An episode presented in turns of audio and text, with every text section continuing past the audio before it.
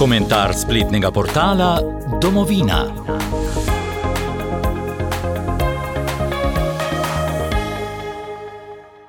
Danes bomo spletnega portala domovina.je prebrali članek Federika v potočnika z naslovom Blazno resno o zdravstveni reformi. Zato so zapravili četrt mandata.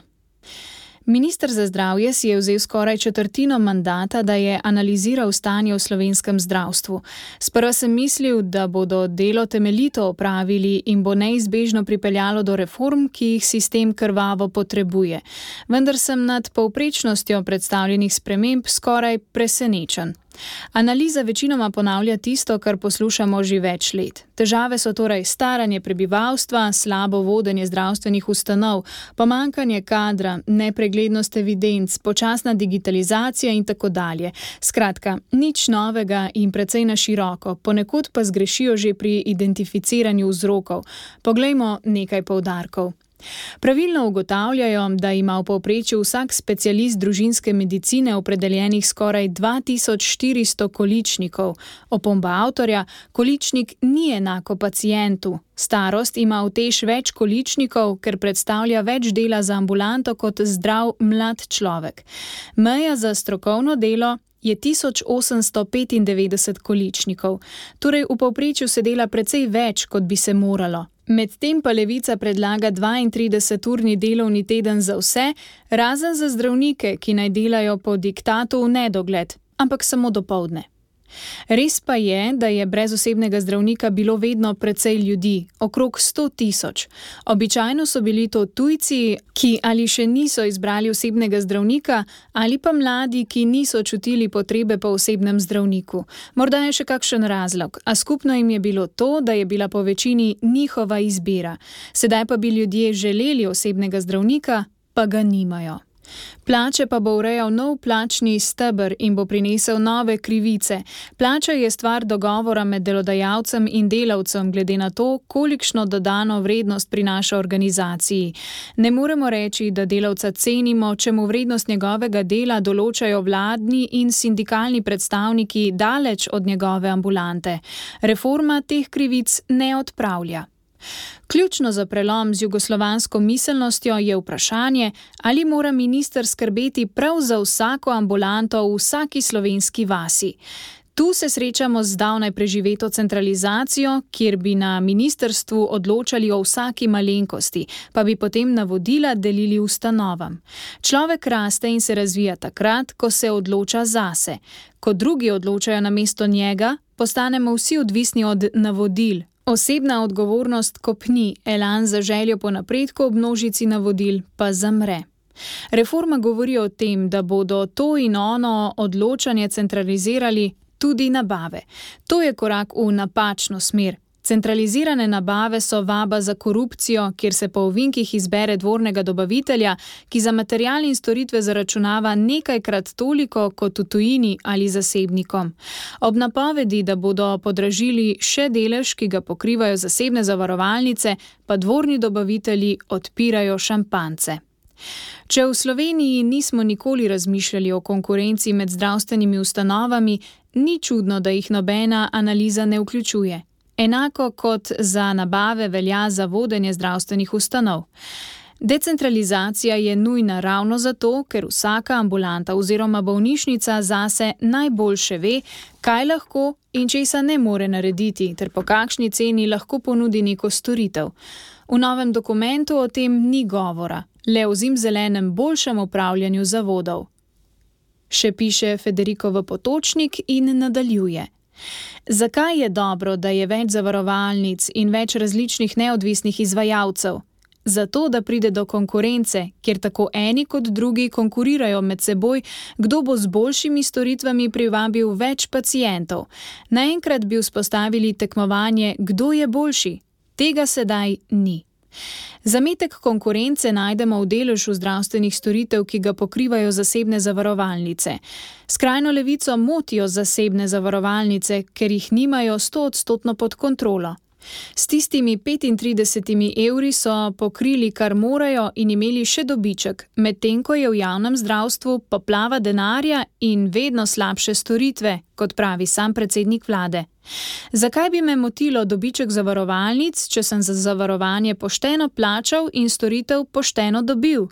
Zdaj bo dobiček šel dobaviteljem državnega zdravstva, ki se veselijo večjega kolača in še bolj napihnjenih cen. Kaj je bolj pravično? Da zasebna zavarovalnica konkretno opravi storitev in dobi za to nagrado, ali GNI, ki je monopolno podjetje, nima konkurence in država van zmeče še 500 milijonov, da si tam lahko izplačujejo nagrade. Zdravstveni domovi in lekarne delajo plus, bolnišnice pa minus. Kako to? Odgovor je v načinu plačevanja ZZZS. ZZZS je tisti, ki določi ceno storitve in število storitev, ki jih bo določen zavod opravil v enem letu. Če jih opravi več, gre v njihovo škodo. V nekaterih segmentih ZZZS že plačuje vse odpravljene storitve, kar je izjema zadnjih let zaradi izrednih razmer. Problem pa je v tem, da je veliko storitev podplačanih. Če se ZZZS spomni, da bo za pregled pri infektologu plačal naprimer 10 evrov, ta znesek ne pokriva stroškov dela, materijala in prostorov. Posledično se več pregledov povečuje v večji minus. Absentizem, odsotnost od dela, nam dela resne težave. Človek, ki je doma na bolniški, stane. Če pogledamo z vidika sistema, je cenejše, da bi človeku pravočasno nudili zdravstveno oskrbo, preden se njegova bolezen toliko poslabša, da rabi dolgotrajni bolniški stalež. Pri nas bolniške predstavljajo stroške, ki so že višji od stroškov primarnega zdravljenja. Očitno država raje plačuje bolniške, kot pa da bi človeka pozdravila, preden bolniški stalež sploh potrebuje. Čakanje nad dopustno dobo se v praksi pokaže z dolgotrajnimi bolniškimi odsotnostmi, poslabšanjem zdravstvenega stanja in visokimi stroški. Najbolj zaskrbljujoče pa je, da smo se s podpovprečnostjo sprijaznili. Nekaj zdravniških organizacij je pozdravilo reforme, čeprav se bistveni in najbolj problematični elementi ne spreminjajo. Hvalijo opravljeno analizo ministerstva, kot da pregled nad svojim področjem ni njihova služba. Znižali smo standarde, kar se pozna naprimer v urgentnih centrih.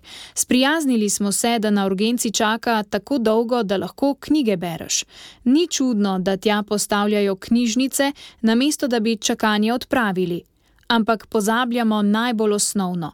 Nesprejemljive stvari ne smejo postati sprejemljive. Knjižnica na urgenco ne paše. To ni čakalnica za napovedan termin pri zobozdravniku ali pri frizerju. Na urgenco hodijo prizadeti ljudje, ki morajo biti takoj oskrbljeni. Svojci prizadetih ljudi so v takem stresu, da ne morejo brati, pacijenti sami pa še manj. Če stanje ni urgentno, potem mora biti oskrbljeno drugje in ne na urgenci. Mimo grede. 65 odstotkov obiskov urgentnih centrov je nenujnih ali manj nujnih. Enako je zdravstvenim sistemom. Če se vsakič sprijaznimo s slabšimi rešitvami, bo sistem neizbežno vsakič slabši. Pod črto. Če si hočete zapomniti eno, naj bo to. Glavni krivec za neurejeno zdravstvo v Sloveniji je sistem financiranja zdravstvenih storitev, ki poteka preko monopolnega ZZZS. ZZZS centralno plansko sam odloča, koliko bo plačal za neko storitev in koliko storitev letno pripada vsakemu zavodu. Te cene veliko krat niso plot logike, dejanskih tržnih zakonitosti ali potreb, ampak le količine denarja, ki ga ima ZZZS na razpolago. Če bi lahko izbral eno rešitev, bi bila odprtje tega zavarovalnic tudi drugim igravcem. Naj vsaka zavarovalnica ponudi svoje police ob jasno določeni osnovni košarici.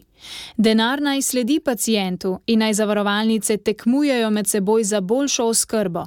Na to naj še zdravstveni domovi in bolnišnice tekmujejo za pacijente. Enako kot pri avtomobilih. Še nisem slišal, da bi kdo po avtomobilski nesreči na mehanika čakal nedopustno dolgo. Če je za avte poskrbljeno pravočasno, zakaj ne bi bilo še za nas? Je na spletnem portalu domovina.je zapisal Federico v Potočnik. Komentar spletnega portala Domovina.